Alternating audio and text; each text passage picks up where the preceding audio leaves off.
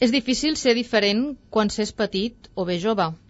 Eh, quan aquesta diferència té a veure amb la capacitat intel·lectual, amb les emocions, els sentiments i la forma de veure la vida, la diferència no és tan maca. No és fàcil que tothom et digui quina sort, ja ho tens tots per triomfar la vida. I tu t'adones que al teu voltant res encaixa segons el teu criteri, que ets un bitxo raro. Allà dalt, on tothom creu que tot és tan senzill, també es passa molt malament, tant que pots acabar a on no voldries. Ser dona i ser intel·ligent no és socialment acceptable. Ser nen i ser massa intel·ligent és tenir o bé uns pares neuròtics o el que és pitjor, no existir, ser transparent.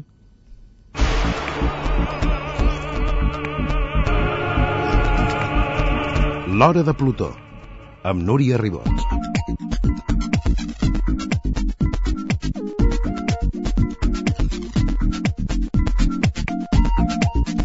Es calcula que a Espanya uns 300.000 estudiants, al voltant d'un 2% de la població en edat escolar, són superdotats, encara que només tenen reconeguda aquesta condició uns 2.000 estudiants. En part això explica per què el 70% d'aquests nens tenen un baix rendiment escolar i per què entre un 35 i un 50% pateixen fracàs escolar. Tenir una alta capacitat intel·lectual no es fa més feliços, ni molt menys, ni més desgraciats, però crea unes necessitats específiques, que si no s'atenen bé acaben portant molts problemes. Avui, a l'hora de Plutó, parlarem amb Maria Dolors Rius, presidenta de la FANJAC, l'associació promotora de la Fundació per l'ajuda de nens i joves d'altes capacitats. La Maria Dolors té dos fills superdotats. Maria Dolors, molt bona tarda i benvinguda. Bona tarda. Quan t'he sentit parlar al començament, la veritat és que mm, se'm posava la pell de gallina i els que no estem dintre d'aquesta categoria, ni d'altes capacitats, ni de superdotats, pensem, com és que pot portar problemes tenir, mm, bueno, en teu cas, dos fills o les persones que tenen nanos amb índexs alts d'intel·ligència? No, ningú s'ho pot creure que siguin tan problemàtics. Jo suposo que és, històricament és un sector oblidat i és, suposo que per desconeixement. Eh, sabem, sempre, sempre dic el mateix i em sap molt greu perquè a tot arreu que m'ho han preguntat sempre he dit el mateix, però és que és potser la forma més gràfica d'entendre-ho. Si una síndrome de Down, eh, amb qui, per cert, tenim contactes amb d'altres associacions de síndrome de Down i anem agafats de la mà per qualsevol cosa que ells necessitin o, o qualsevol reivindicació que ells tinguin. Nosaltres li, els hi donem suport. Si a una síndrome de Down no se li pot treure el cromosoma que tenen en accés en el parell 21, en la descripció que va fer del sistema nerviós en Santiago Ramón y Cajal el 1906 i que li va valdre el Premi Nobel de Medicina, ja va dir que eh, era més important l'organització interna del cervell que el propi nombre de neurones que d'avui encara no se sap quantes n'hi ha. Llavors, els nostres nanos tenen una organització interna del seu cervell diferent, més rica, tenen un índex de eh, neurotransmissors superiors i de més qualitat. Això què implica? Ja sé que és una miqueta tècnic, però així a nivell de, del carrer diríem que eh, si hi ha més cablejat i a més a més la corrent va més de pressa, doncs resulta que, i a més a més és de més qualitat, per comptes d'anar amb cable normal, va amb fibra òptica, doncs resulta que tenim la informació que ve de tots els receptors transmesa a unes velocitats impressionants. Molta i a molta velocitat. Molta i a Però molta velocitat. Però aquí també amb els cables estava pensant, i si se li creuen els cables? No és que es creguin els cables. El que passa és que rep tots els estímuls que rep, tots, pràcticament tots els processa alhora. Llavors, això no vol dir que només tinguin una capacitat intel·lectual superior. No és només a nivell de capacitat intel·lectual, que és on la gent es perd. D'acord? Aquestes criatures tenen eh, les emocions, es, es viuen magnificades, eh, les olors, els sabors, la sensació, o sigui, la percepció de la justícia, de l'odi, de l'amor, de l'afecte, del tacte, del gust, de l'olor, els pot molestar coses que altres persones pensen que estàs completament grillat, no? A veure què dius que això pica, com ha de picar això, això no pica. Doncs sí, amb ells se'ls hi pica perquè els seus neurotransmissors els estan transmetent que allò els hi pica. I és així, i no ho pots evitar. Doncs si amb una síndrome de Down, com us deia, desgraciadament, i tant de bo es pogués fer, no se li pot eliminar la trisomia del parell 21, als pares dels nens d'altes capacitats ni els hi podem treure neurotransmissors ni podem anar retallant cables. És impossible. I què s'ha de fer amb aquests nens? Atendre'ls. Atendre'ls. El primer de tot és que en el moment en què uns pares veuen que hi ha alguna cosa que no quadra, per edat, per exemple, doncs el primer que s'ha de fer és acudir a veure què està passant. De vegades pot ser que sigui una alta capacitat, de vegades pot ser que no, però de tota manera, i amb les darreres experiències que hem tingut que han estat molt desagradables, darrerament he tingut una criatura de, de l'associació ingressada durant eh, 8 dies a l'Hospital de Sant Joan de Déu, lligat i sedat Per? per una manca d'atenció a les seves altes capacitats va desenvolupar un problema X. Malgrat que els pares van estar avisant. Però, com deien a la presentació, els pares són neuròtics i el nen és transparent. Millor dit, en aquest cas era un nen eh, maleducat i que no sabia estar quiet. Llavors mm, va acabar ingressadet. Ara ja finalment hem aconseguit que entenguin que ni la mare és neuròtica ni el nen eh, és poca solta, sinó que el nen té un problema i se l'ha d'atendre. Llavors, quan els pares veuen que hi ha un problema, que millor no cal que sigui un problema tan gros com aquest, però millor veuen que amb 3 anys t'està preguntant sobre el sexe dels àngels. Mm, Eh, què és l'angoixa? Eh, què és la sang? O té dos anys o, o un any i et va dient les marques dels cotxes pel carrer o s'aprèn de memòria els senyals de trànsit. Amb un any i mig no és normal, cometes, perquè les normalitats per mi són molt elàstiques. Per mi els meus fills són molt normals. Després he descobert que no ho són tant. Però bé, per mi eren normals. Fins que el meu fill amb un any i mig em va començar a dir totes les marques de cotxes que hi havia al carrer i a sobre no s'equivocava ni d'un. O les, eh, els senyals de trànsit. O quan un nen de l'associació amb 6 anys em va començar a explicar tota l'evolució de, des de l'Homo erectus fins a l'Homo sapiens amb una naturalitat com si estigués parlant de, de, de jocs de la Nintendo. Per exemple, quan hi ha algun problema, es busca un professional. On han d'anar els pares? Hi ha un col·legi de psicòlegs, hi ha un col·legi de pedagogs, hi ha un col·legi de metges i hi ha pediatres. Hi han escoles? Eh, les escoles haurien de ser hàbils per veure eh, que hi ha un problema amb una criatura. Tampoc vull carregar les tintes sobre ningú, perquè el problema és de base. Divendres vaig estar donant una xerrada en una, en una aula a petició dels propis alumnes de la Universitat de Barcelona, a la Facultat de Pedagogia. Vaig gaudir molt, la veritat sigui dita. Mm, I els hi vaig dir, nois, teniu la salut dels nostres fills a les vostres mans. Però també entenc que amb ells ningú els hi explica. No havien sentit a parlar mai és que no tenien ni idea de que els nostres nanos tenen una estructura diferent, que el seu gruix de, de matèria gris és superior a la dels altres. Vull dir, és com si els estigués parlant, no sé, suahili, mm, turc o vés a saber el què. Mm, El problema de l'escola és que no hi ha formació de base. No es poden carregar les tintes en allà. Des del Departament d'Educació no s'estan fent les coses bé. Amb l'avantprojecte de llei d'educació, la veritat és que si no s'estaven fent bé, com aquest avantprojecte de llei tiri endavant, francament, jo agafo les maletes i les 200 o les 100 i pico de famílies que som a Fanjac agafem les maletes i toquem el dos, perquè és que ja és un suïcidi col·lectiu el que ens fem. Mm, si des del Departament d'Educació les coses no es fan bé, evidentment l'escola no pot donar resultats. Maria Dolors em sorprèn perquè amb els nens amb altres dificultats, que serien a l'inrevés, que tenen, diguéssim, deficiències, jo sé molt bé que l'escola pública els tracta i bé, que molts d'ells tenen una professora al seu costat tot el dia, amb nens autistes i nens amb altres problemes, o sigui que fan costat.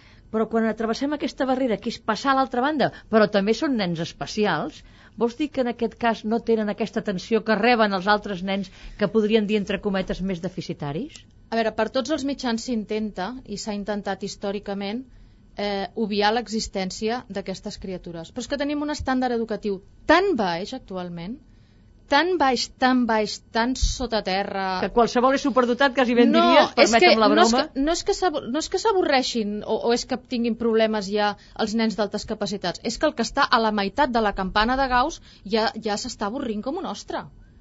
Però és, ja no és un problema ni de l'escola, és que l'estàndard educatiu està sota zero. sota zero, completament. Estem parlant d'atendre la diversitat i la diversitat no s'està atenent no és atendre la diversitat, agafar els nouvinguts que ni tan sols parlen l'idioma i incloure'ls per l'escola inclusiva, aquesta obsessió que ens ha agafat a tots amb l'escola inclusiva, posar-los en una classe amb 23 nens més, que la pobra criatura està allà de cos present. Perquè està de cos present, però no s'està enterant de res, pobre fill.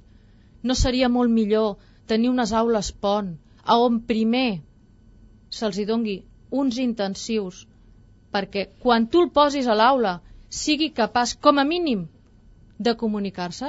Aquell mestre caça mosques Això, i la criatura també. Això amb els nens d'altres cultures s'està fent a l'escola pública, aquestes aules primer d'acollida i fins i tot hi va haver-hi la proposta de que fossin altres aules i tu saps molt bé que hi van haver-hi unes reaccions que deien absolutament contràries, que deien que era crear guetos i pràcticament se'ls va tractar de racistes els que van fer la proposta. Exactament, O sigui d'això a m'estic queixant.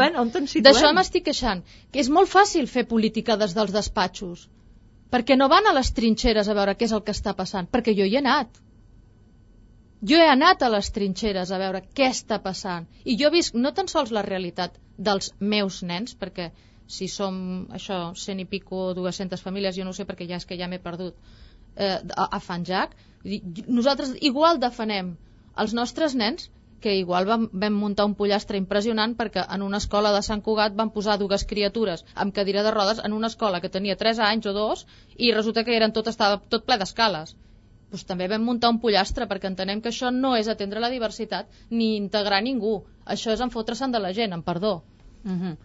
De totes- Llavors, jo entenc que, que sí, és cert, hauran fet molt de rebombori, però entenc que s'ha fet el rebombori perquè és molt fàcil fer política i és molt fàcil arreglar el món des d'un despatx. Que vagin a les trinxeres, que a les trinxeres és on s'aprèn. Doncs bé, avui parlarem d'aquests nens i nenes, d'aquests adolescents amb altes capacitats, d'aquests nens superdotats i sobretot explicar realment el que viuen a casa, a l'escola i com allò que molts dirien que bé, tu tens un nano que és superintel·ligent, dius quina sort en tens, et tirarà endavant, Sí. com realment escoltant-te a tu realment es, es transforma en un gran problema que ben reconduït I amb 1.000 euros al mes et passa tot això. doncs bé, de tot això en parlarem avui, però abans la Pilar de Pedro ens explicarà, ens farà cinc cèntics de qui és la nostra convidada. Qui és Maria Dolors Rius.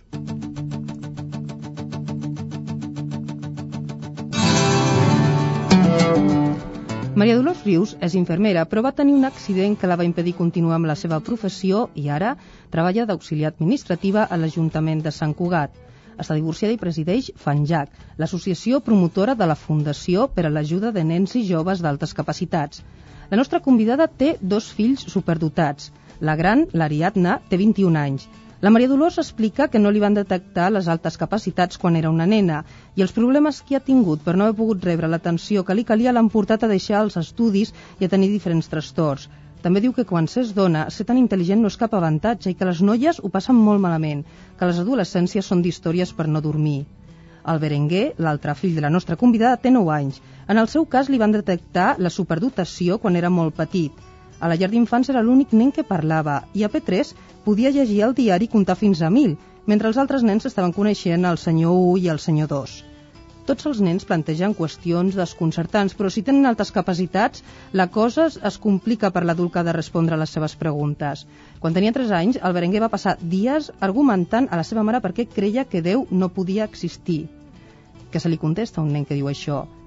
Tenir altes capacitats per això no vol dir ser el millor en tot ni saber-ho tot com si un fos una enciclopèdia ambulant. Això el Berenguer ho ha explicat més d'una vegada i també que un superdotat no té banyes ni és de color verd. Un especialista deia una vegada que al marge de la seva alta capacitat intel·lectual, els nens en superdotació són nens normals, només que tenen unes necessitats educatives específiques. Quan no ha d'estudiar, al Berenguer li agrada jugar al Monopoli, a l'Intel·lect, als xifres i lletres i sobretot jugar amb els robots de Lego que li van ensenyar els seus amics de l'associació Magma, un grup de joves universitaris amb els quals gaudeix de la robòtica plantejada com un joc, perquè per al Berenguer, diu la seva mare, aprendre és un joc. També potser és l'esperit dels Aquari, que és el seu signe del zodíac. Per cert, que l'Ariadna, la seva filla gran, és balança i la nostra convidada és Capricorn. Maria Dolors diu que tenir fills superdotats és complicat, però alhora molt enriquidor. A ella, quan li queda temps lliure, li agrada molt llegir tot el que tingui a veure amb infermeria, que és realment la seva vocació, i tot el que tingui a veure amb les altes capacitats i superdotació, un tema sobre el qual la majoria tenim una idea molt confusa. Avui, la nostra convidada ens ajudarà a entendre-ho millor.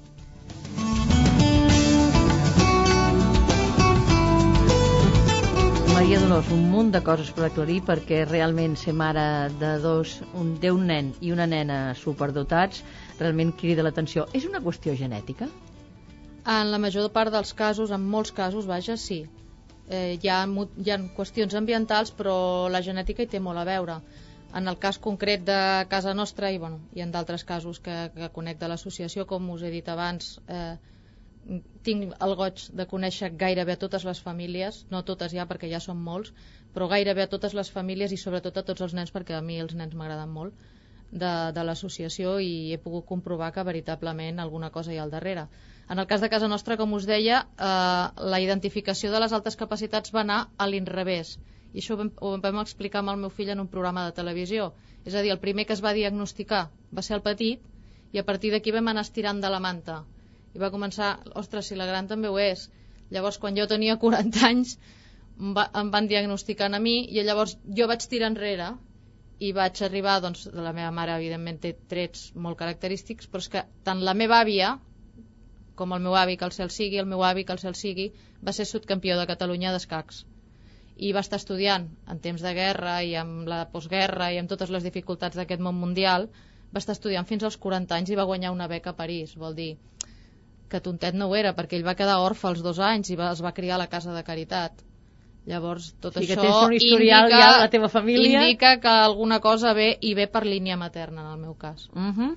és, és curiós perquè dius, a partir del teu fill, del teu fill petit, és quan comences a donar-te'n, clar, que et pregunti o que et digui això mateix de, de la no existència de Déu. Clar, això, això va ser molt fort. Això, jo, això va de ser gallina. molt fort.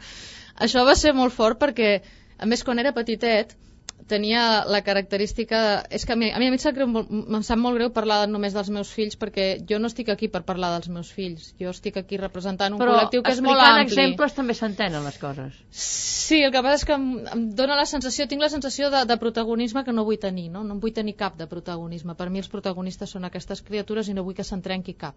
Ja se me n'ha trencat a mi una, eh, en tinc dos una miqueta malament, per no dir molt malament a l'associació i no m'agradaria que se'n trenqués cap més llavors et, et fa una miqueta de mal no personalitzar, però tot i així en aquest cas ho explicaré perquè com a mínim és una anècdota curiosa i divertida. El meu fill abans de preguntar una cosa quan era petitet primer va començar a parlar molt, bastant tard dintre de tot. Va aprendre a caminar o sigui, d'estar assegut per terra ell no va gatejar mai.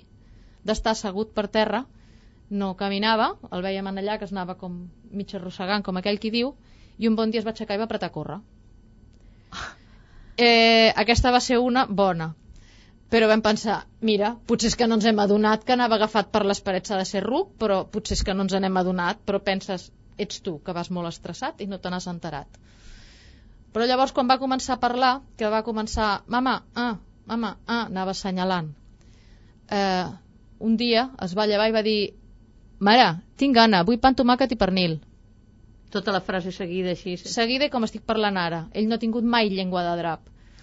Llavors això ja comença a I mosquejar. tot allò que feu les mares, mama, gat, Eh, lla... sí, tot això no, i com s'ho va saltar. Tot admirava això amb cara eh, com una, vaig a fer servir una expressió d'un- del meu gendre de cangrejo de la sirenita com volem dir ara que m'està dient aquesta poca solta com que mama eh, eh, eh, no, amb ell se li havia de parlar clar i català i segons que li deies, bueno, i això per què? Així, tu li deies, doncs perquè ho dic jo i et contestava, perdona, però és que a mi perquè ho, dic, perquè ho dius tu no em serveix I això estem parlant de tres anyets? això estem parlant de dos anyets.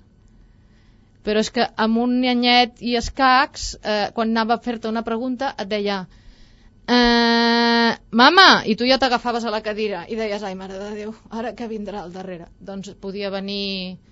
De quin color és l'ànima? Què és la sang? Què és l'angoixa? I als 3 anys, un diumenge a les 8 del matí, tots asseguts a taula per esmorzar, ens diu eh, mama, i tots agafat a la cadira tremolant es va fer el silenci, tothom sense respirar què és un forat negre? Ens vam quedar tots parats, el seu pare va agafar un bolígraf, una fulla, va dibuixar una cosa rodona, la va pintar de dintre, li va dir, diu, guaita, veus? Això, però en forat, o sigui, amb, amb més gros, això és un forat negre. I el meu fill li va, així, va fer així amb el dit, ja sé que és una ràdio i no es veu, però va fer així amb el dit, va dir... Dient no. No. Diu, un forat negre és un cos estel·lar. Tres anys. No ja, està malament. Llegia, ja llegia? Sí.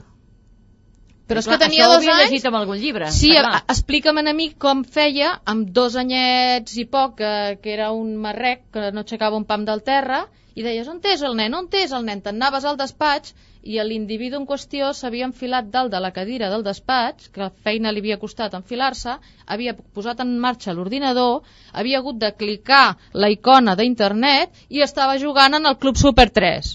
I deies, com coi ho ha fet? Doncs ho havia fet. Llavors, clar, aquestes coses Espanten. són molt cridaneres i t'espanten. Però és que no tots són així. No, perquè La clar, meva filla la no va filla ser gran així. no va ser així. Clar, la meva filla, eh, quan, eh, quan van diagnosticar el meu fill, em van començar, em van passar un formulari i, les, i el nen fa això, i el nen fa allò, i el nen fa l'altre, i jo pensava, pues, si m'estan preguntant tonteries, si tot això és normal que ho faci, perquè la nena també ho feia. Quan vaig respondre 10 vegades que la nena també ho feia, em van dir, escolti, porti la nena també. Dic, escolti, que la nena té 14 anys ja. I em van dir, no, no, és igual, vostè porti-la. Oh, sorpresa, resulta que la meva filla també ho era, però és que ja tenia patologia.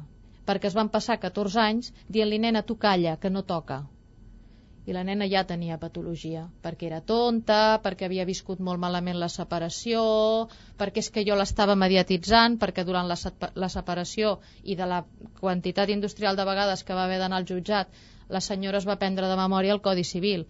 Escolti, jo li juro que jo el Codi Civil ni me'l sé ni me'l vull saber. Llavors, què, què va resultar més senzill? Dir que és que era la mare la qui li estava ensenyant el Codi Civil perquè anés a donar la nota al jutjat. Doncs senyors, ho sento molt, ho sento per la jutgessa que em va jutjar i em va condemnar, però jo no li vaig ensenyar el Codi Civil, se'l va prendre tota sola.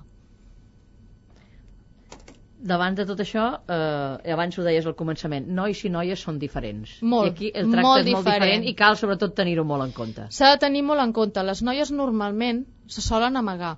Quan són petitetes, petitetes, potser no. En tinc de tot, eh? A l'associació tinc, un, tinc una, el cas d'una nena, la Paula, que és encantadora i a més me l'estimo moltíssim. Eh, que ella de petiteta, doncs, era com el meu fill. Li venia de gust amb 3 anys de llegir-se tota l'enciclopèdia que té la seva mare damunt de l'ordinador, doncs se la va llegir, cap problema. I no li importava. I llavors eh, ve quan se'ls hi pugen una miqueta els fums, no? I van de superestupendos per la vida i llavors venen els clatallots. Venen els clatallots. I quan s'és nena i et ve una galtada d'aquest estil, i a sobre en aquesta en concret, que és molt bufona, aquesta nena, clar, en els nois que sigui nena i llesta i a sobre mona, mm, totes aquestes coses no, no acaben encaixaven. d'encaixar.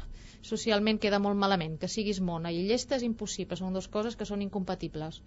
I que siguis dona també és incompatible. Les dones a la cuina estan molt mones elles. Doncs aquesta no.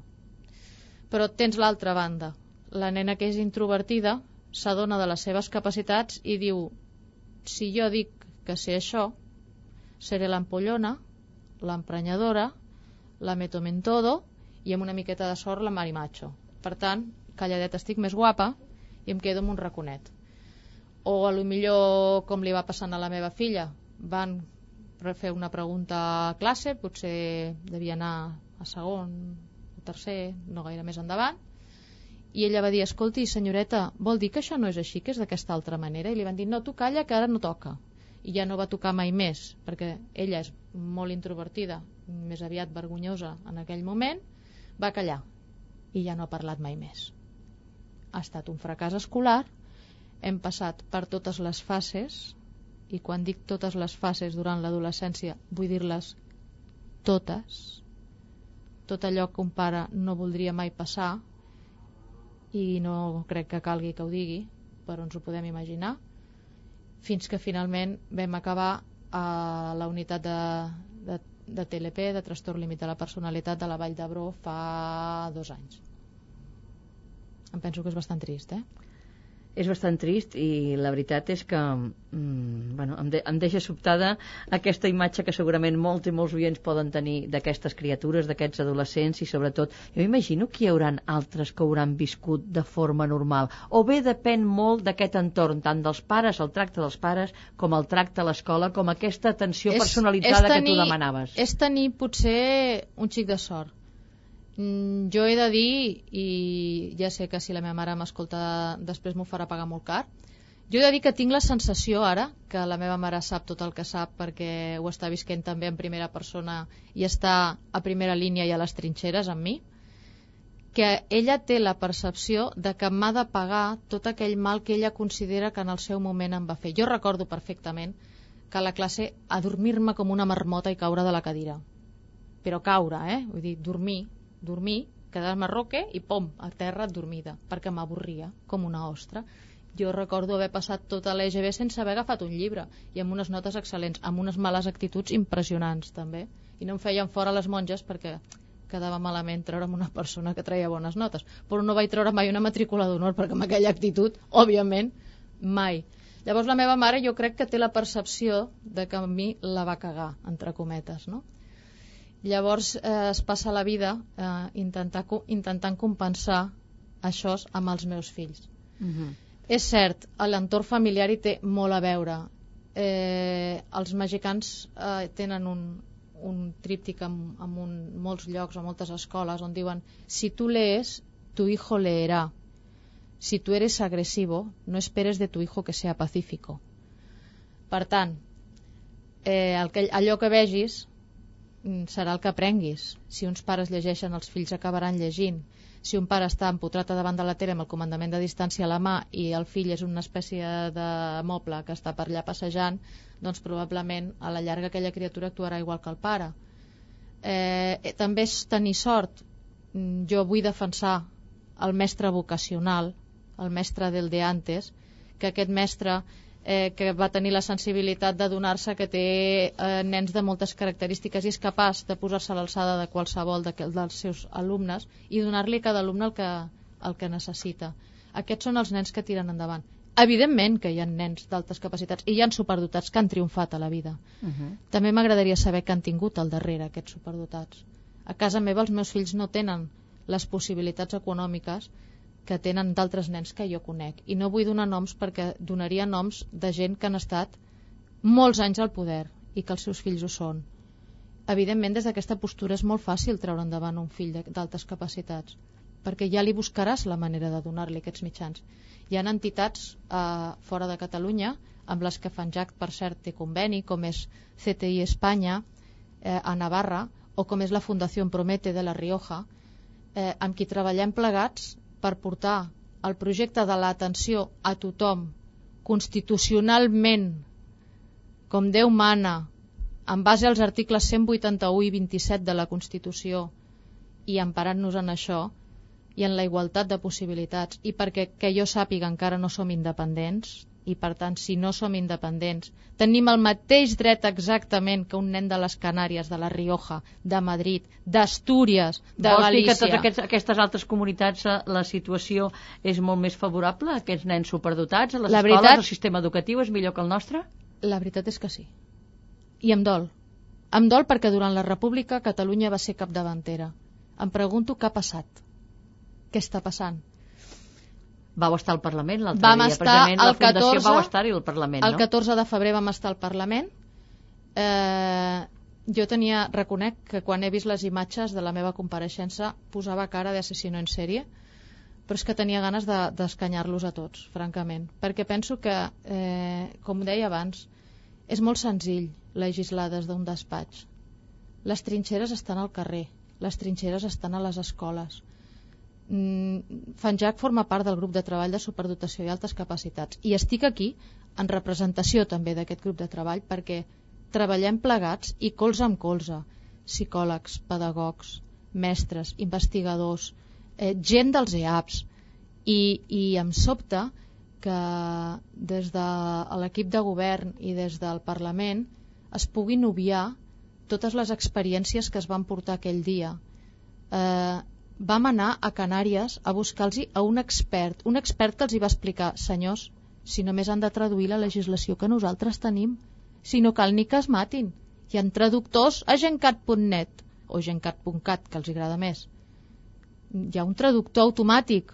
Agafi, copi el text, copiar i pegar, escolti. Això els ordinadors ho fan tots. No s'han ni de matar. I després ens treuen aquest avantprojecte de llei, per favor. Se n'estan enfotent de nosaltres? Perdoneu que sigui tan dura, però veritablement tinc tota la sensació, i des del grup de treball tenim tota la sensació, de que ens estan prenent pel pito del sereno. Estem treballant com a bèsties, tots treballem i a més a més dediquem els 5 segons que tenim per descansar, per comptes de descansar, els dediquem a anar marejant la perdiu per tot arreu, unir-nos amb col·lectius de dins i de fora de Catalunya per tirar endavant. I no pararem, no ens aturarem al Parlament de Catalunya. Mm. Tenim Ara... Madrid i Estrasburg al davant. I anirem on calgui a fer-los caure la cara de vergonya. La veritat és que estem descobrint un món darrere d'això que tot semblava, entre cometes, flors i violes, que, bueno, que ens deixa una mica sorpresos. Fem una pausa, ens relaxem una miqueta, Maria sí, Dolors, sí, i escoltem música. Has escollit Chicago. Sí. Ah? Endavant.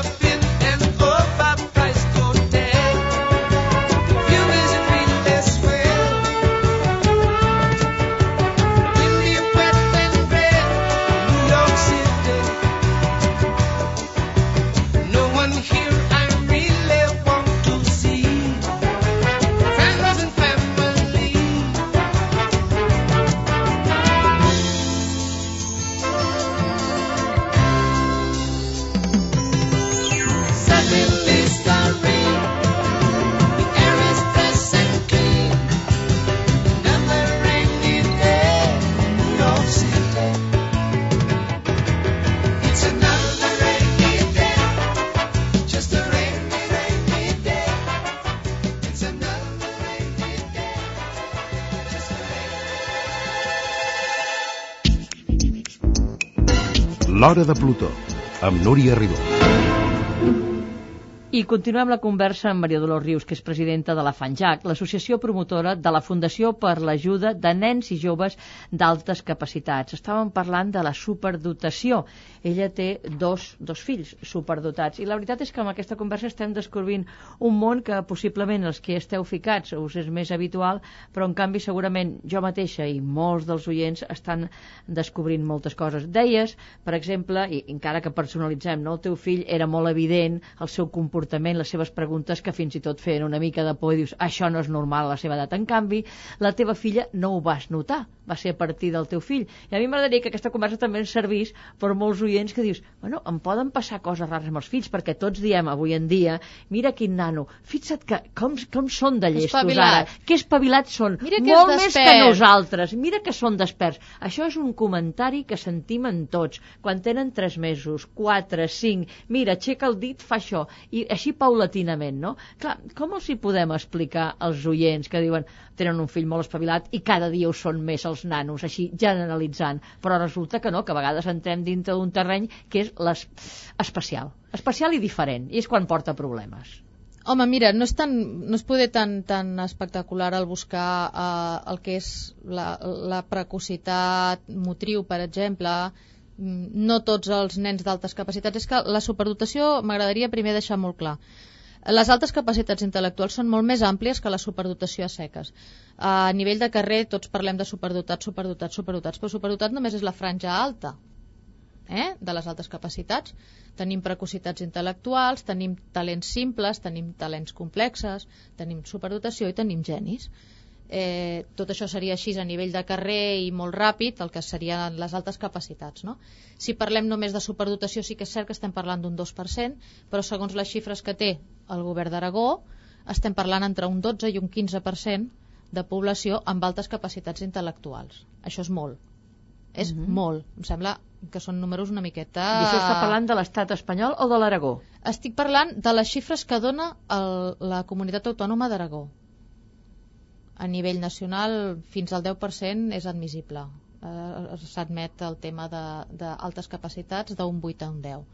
Eh, No sé el per què l'Aragó dona xifres del 12 al 15, mm, tampoc té major re- rellevància. Penso que, que no és un tema de nombres i, i això de les estadístiques és tu tens tres pollastres, jo no en tinc Sí, cap sí. i en tenim, En tenim un, un i mig, sí, sí. cadascuna. Tu et, eh, poses com el Kiko i jo em moro de gana. Això funciona així, però bueno, no té més importància. El que sí que és cert és que eh, no és tan important potser el nivell motriu, Mm, pot cridar l'atenció que un nen amb 9 mesos ja camini, la meva filla amb 9 mesos caminava, o que criatures, jo he vist mm, en concret una nena que es diu Magalí, que és moníssima, que és eh, la filla d'una amiga de la meva mare, que en un mes es posava el xumet tota sola. Eh, ara ja va donant indicis d'alguna cosa més que posar-se el xumet tota sola en un mes. I tot, tot indica que la cosa va per aquí. Però no és potser tan important això, potser és més important altres temes. Hi ha la sensibilitat dels nens envers a, a certs aspectes. Eh, jo recordo, ja que el programa es diu L'Hora de Plutó, deixeu-me que faci un, un acudit al respecte. Quan eh, el, als Estats Units es va parlar, bueno, es va parlar, no, es va fer, de fet, el eh, relegar a una, Exacte. sessió, a una segona posició A a la categoria Plutó, dels planetes, sí. a la categoria de planetes nans, Plutó, eh, us puc dir que a l'associació hi va haver una revolta infantil en contra d'aquesta decisió. Raonament del Jordi, un altre dels meus nens, que a més també és, és de Sant Cugat. Raonament del Jordi. Pare, a veure, m'he passat la vida, i ara té 7 anys, m'he passat la vida sentint que el sistema solar està format per ta, ta, ta, ta i Plutó. I ara resulta que venen aquests senyors tan llestos i diuen que no, que Plutó ja no és un planeta, és un planeta nan. Per què? Perquè és més petit? És passar una segona categoria? És un ésser inferior? Llavors jo, que sóc petit, que és que ja no sóc persona perquè sóc petit? Raonament d'un nen de 6 anys. Davant d'això, esgarrifa't. Però és que poden haver eh, raonaments que et puguin fer pensar més eh, davant del tsunami, per exemple, del 26 de desembre. Eh, raonament de molts nanos, no tan sols de l'associació, sinó nanos que jo vaig poder parlar, m'agraden molt la canalla i, i, i tinc aquest mal vici. Mm, raonament dels nanos. Com hi pot haver un Déu, sigui de la religió que sigui, que permeti que morin X criatures Per això per un fenomen natural? És un comentari molt generalitzat, Maria Sí, de és, dir. és un comentari molt generalitzat, Sí. sí. però quan les criatures tenen una certa edat, potser no ho és tant. O ho senten a dir molt, també, perquè això és un comentari... Sí, però quan si hi ha la això gran ho- catàstrofe sempre ho diem, tots sí, els, els grans. d'acord, els grans ho diem, però quan això ho treus de context, tu imagina't que aquesta criatura no... O sigui, ho ha dit en un context familiar que ningú encara ha obert la boca. Jo m'estic referint en aquests comentaris. M'heu preguntat els pares com se'n poden adonar. Doncs molt bé, si tu no has dit res i resulta que aquest, sense sentir res de res, que no aixeca un pam de terra, et salta amb un comentari d'aquest estil, o si els déus de totes les religions són tan bons perquè permeten que perquè jo sigui jueu i tu siguis cristià ens estiguem traient els ulls, o tu siguis musulmà i jo sigui cristià i ens estem traient els ulls, qüestions d'aquest estil a certes edats no és tan uh. -huh. habitual. Uh. -huh sensibilitats a nivell de, de, de, de l'amistat la, portada a extrems inversemblants. A tots els nens no té per què agradar-los el futbol. No té per què agradar-los el futbol. Un nen que va al pati i per comptes d'anar a jugar a futbol, eh, estem parlant d'edats molt jovenetes, eh? T'asseu amb un racó a llegir un llibre, no me'l castiguis i me li diguis, que és que ara no toca llegir un llibre, ara has de jugar. Per què? Perquè ho posa el plànol que has de jugar. Doncs pues a mi em ve de gust llegir. Aquestes són les qüestions que comencen a posar en alerta. Ah, sí, i un cop comences, estàs, comences amb alerta, què has de fer? A veure, eh, on, es va, on es fa aquest diagnòstic que tu com a mínim et pot orientar i, i en què consisteix aquest diagnòstic? Perquè sempre sentim parlar del coeficient intel·lectual a partir dels 120, 130, etc. Però clar, amb els estímuls que hi ha, que tenen els nanos ja des de molt petits, suposo que es tenen que tenir en compte altra mena de mesures, sí. no? Ha... Quan parlen d'intel·ligència emocional dels Exacte. estímuls, això suposo que hi ha compta. criatura que té això, una intel·ligència emocional superior, unes habilitats socials superiors, capaç de relacionar relacionar-se amb gent gran, gent, gent de totes les mides, amb sense cap mena de dificultat, això també crida l'atenció. Eh, el, el típic nen, mira aquest vell, com sap que a mi m'ha de parlar en castellà i a sa mare li ha de parlar en català? I a lo millor té 4 anys, per exemple. Doncs sí, evidentment, tot això crida l'atenció. En quant a lo de, que parlaves del diagnòstic, bueno, diagnòstic, identificació, mmm, digue-li com vulguis. Hi ha qui diu que ha de ser un diagnòstic i ha de tenir-hi a veure gent del ram de la sanitat hi ha qui diu que ha de ser una identificació i ha d'estar només en l'àmbit de la psicologia o de la psicopedagogia. Tant és, el cas és identificar, però identificar amb un objectiu. L'objectiu és la intervenció. Identificar perquè sí, no fer res no cal. Perquè saber que tens un, un tumor al cap i no actuar per evitar les conseqüències, més val no saber-ho, francament. Eh, qui hauria d'identificar? Hi ha un col·legi de psicòlegs, hi ha un col·legi de pedagogs, hi han pediatres que un pediatre davant d'una criatura amb uns certs trets i amb un pediatre amb experiència, i tenim mares que ho són de pediatres i pares que són pediatres, i la pediatra dels meus fills, amb el meu fill, abans de que passés tot això ja em va dir ep, compte que aquest nano promete. Mm? I, I dic promete en castellà perquè és la fundació que ens dona més recolzament i amb qui tenim més, més col·laboració. Mm, si es veuen a l'escola, hauria d'intervindre l'EAP, l'equip d'assessorament psicopedagògic. El mestre també hauria de tenir una, una, una formació a, a l'hora de a la universitat, a, a formació del professorat. Estan amb això, de fet, el mes de setembre, si no m'equivoco, comencen ja a, a fer els postgraus d'altes capacitats, tant a les facultats de pedagogia com a les de psicologia, comencen també cursos de màster tant per part dels psicòlegs. Tot això ho sé perquè pertanyo en el grup de treball pertanyem Fanjac pertany el grup de treball de, de psicòlegs i pedagogs de superdotació i altes capacitats i per tant estem al corrent. Eh, també tinc molt bona relació amb la visadegana de la Facultat de Pedagogia la senyora Núria Rajadell i per tant sé que per part d'ells hi ha intenció. Uh -huh. I un cop diagnosticat, a veure, el que deies tu, si no s'intervé, però a vegades quan hem sentit parlar d'aquest nen superdotat o amb alta capacitat, té tres carreres, quatre no sé què, als cinc anys ja tocava el piano, aquestes coses que a vegades sents parlar. No? Per exemple, clar, des de fora dius, bé, dona-li més material a estudiar. Potser s'avorreix amb una, potser donar-li nous elements. Potser... És possible? Potser és la manera d'ensenyar el que ha de canviar, perquè ja ho deia l'Einstein, no? Deia, si vols obtindre un resultat diferent no facis les mateixes coses, fes les, les coses diferents. No les mateixes coses de manera diferent, sinó diferents coses. Treballar de manera transversal, per projectes, és una cosa diferent, és fer les coses de forma diferent i de tot això se n'ha d'aprendre. Ningú n'és ensenyat. Insisteixo en que no vull carregar tinta sobre ningú l'única tintes s'han de carregar sobre el departament perquè és qui, qui, qui, qui ha de fer les coses ben fetes. I a més té elements per fer-les, que és el que indigna més. Eh, el tema està en que si l'EAP identifica, l'EAP no ha de posar traves, però és que resulta que els EAPs tampoc tenen mitjans, perquè només hi ha 42 EAPs a Catalunya i abasten una població bestial. Per tant, si han d'atendre als síndromes de Down, a les paràlisis cerebrals, a les dislèxies, les... o sigui, a veure, mm, arribem fins on arribem i aquest dia, l'última reunió que vam tenir del grup de treball, em deia una pobra psicopedagoga d'un EAP, em deia és que si jo li tinc que passar tot això amb aquest nen em moriré? És que no tinc temps perquè porto no sé quantes escoles. Però és que si no hi ha prou gent, se n'ha de posar més. Uh -huh. una Però s'ha de fer. Una qüestió, els nanos ho han de saber? És interessant que ho sàpiguen o pot ser perjudicial per ells? Que sàpiguen... Jo vaig, a, jo vaig a fer una pregunta. Us vaig a respondre amb una altra pregunta. Quina percepció tindríeu vosaltres de que us portessin posem en un psicòleg o posem en un hospital i us estiguin fent prova rere prova i després no us donguin cap mena d'explicació No, no, un cop has entrat en aquest procés de proves és una altra cosa. Em refereixo que en el moment, bueno, suposo que en les proves molt més senzilles, amb aquestes que estem parlant, Home, han de passar un, entre, entre un 8 i 11 proves, que són uns, uns 5 tests aproximadament, bueno, test. En fi, vull dir, és igual, hi ha forma de fer-ho que sigui més reduït, però en realitat són entre 8 i 11 proves perquè sigui fiable, d'acord? uh -huh. Després d'estar sotmès, digues, a 5 sessions, a 3 sessions, a les sessions que siguin, d'un d'una eh, d'un matxaque especialista, constant, no, d'un especialista, tu vas al psicòleg, la primera pregunta, que estic malalt?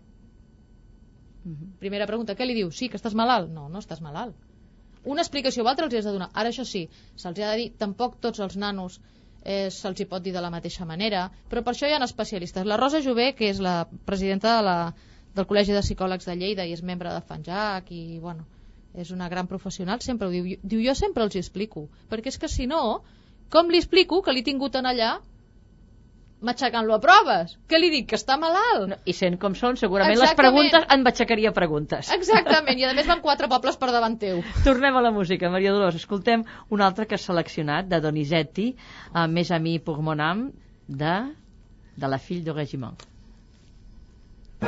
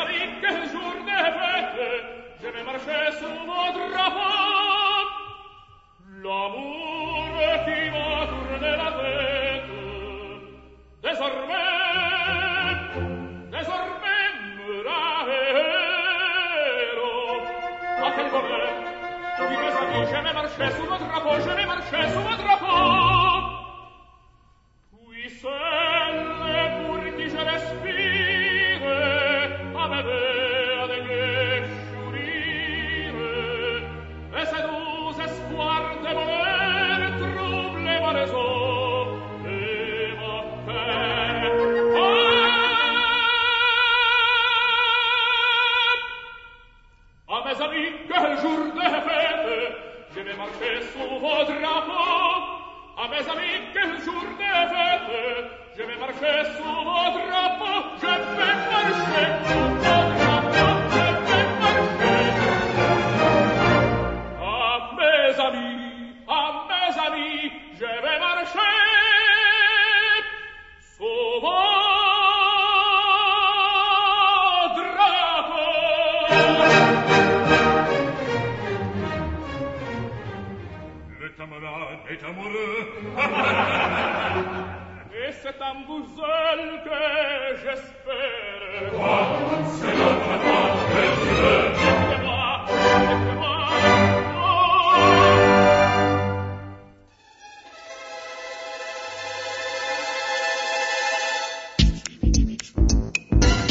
L'Hora de Plutó, amb Núria Ribó.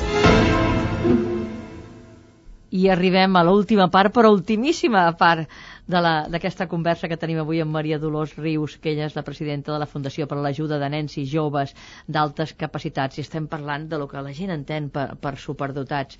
I la veritat és que mm, m'agradaria saber la, la part més pràctica, no? les relacions d'aquests nanos superdotats o amb altes capacitats amb els altres, perquè clar, no tot és l'escola, sinó que és l'oci, no? el, el, el jugar, tot això, clar, com comparteixen els jocs i l'oci amb la resta de nanos, que no són com ells? Hem de partir de la base de que els nens d'altes capacitats no són adults en miniatura, són nens i per tant han de jugar. També hem de partir de la base que fora eh, del seu món, perquè ells tenen el seu de món, hauran de conviure amb gent de totes menes.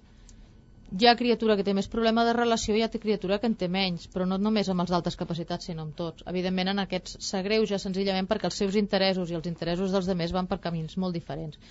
Si parlem de nois i ja comences perquè no t'agrada el futbol, ja ets una miqueta raret. Si a damunt t'agrada el patinatge artístic, llavors ja passes a una altra categoria, que és la categoria del maricón. I això, ho sento eh, per l'expressió, però és que com que això ho ha rebut el meu fill, doncs em dol una miqueta. Eh, tenim molts casos de bullying, molts casos de bullying. Eh, les criatures, desgraciadament, avui en dia a, a l'escola hi ha molta agressivitat, a l'escola i al món en general. I aquests nanos en són molt, molt víctimes. El que passa és que quan una criatura d'aquestes rep molts cops, finalment acaba tornant-s'hi i llavors, clar, hi ha més problemes. Però no tenen per què ser nens especialment problemàtics. Sí que és cert que tenen més facilitat per relacionar-se amb nanos més grans, per exemple, perquè s'entenen més. El que passa és que els més grans tampoc els volen perquè aquells són petits. Uh -huh. Llavors aquí està el conflicte. Aquí ho tenen complicat. Però entre, entre iguals és genial. O sigui, si els veus entre iguals, jo gaudeixo moltíssim quan van plegats o quan el meu fill va, per exemple, a la Pompeu amb els nanos de, de la magma. S'ho passen Ah, sí, teta. però són nanos universitaris, són, Són nois, 24 són nois, són nois. i s'ho passen teta però s'ho passen, vamos però, però una, una passada una Mhm. passada Estem ja pràcticament a l'últim minut. Què fa Fanjac? a veure, Fanjac ara mateix i atès que costa moltíssim fer entendre aquí a Catalunya per un, alguna estranya raó, perquè la Rioja ho tenen claríssim i la Fundació Promete té doncs, una quantitat de socis important entre els empresaris que els aporta unes, uns fons que permeten fer moltes coses. Aquí a Catalunya ens està costant moltíssim que el talent s'ha de mimar i que això val diners. I que els pares de Fanjac, per alguna estranya raó també, som tots de famílies treballadores. Per tant, no tenim una disponibilitat econòmica per fer moltes coses. Ara mateix som un grup de, de, de suport a les famílies i sobretot som un grup de lluita. Donem suport a les famílies, donem informació, Dins el grup de treball estem elaborant un mapa de professionals eh, per, per di- dirigir a les famílies i estem buscant suports d'empreses, de- d'entitats, per poder disposar d'uns fons que ens permetin donar beques i fer més cursos. Ara mateix, Fundació Promete. Ho deixem aquí, Maria Dolors Rius, i qualsevol dubte de qualsevol oient que et pugui trobar en aquestes circumstàncies, Fanjac, Fanjac suposo que allà els podreu orientar. Exactament, teniu la plana web www.fanjac amb dues Cs.org o el meu telèfon mòbil que està a l'abast de tothom. Pues el trob- trobaran també. El trobareu també a la plana web. Gràcies, Maria Dolors, i acabem amb els Eagles. Et diem adeu amb els Eagles. Gràcies.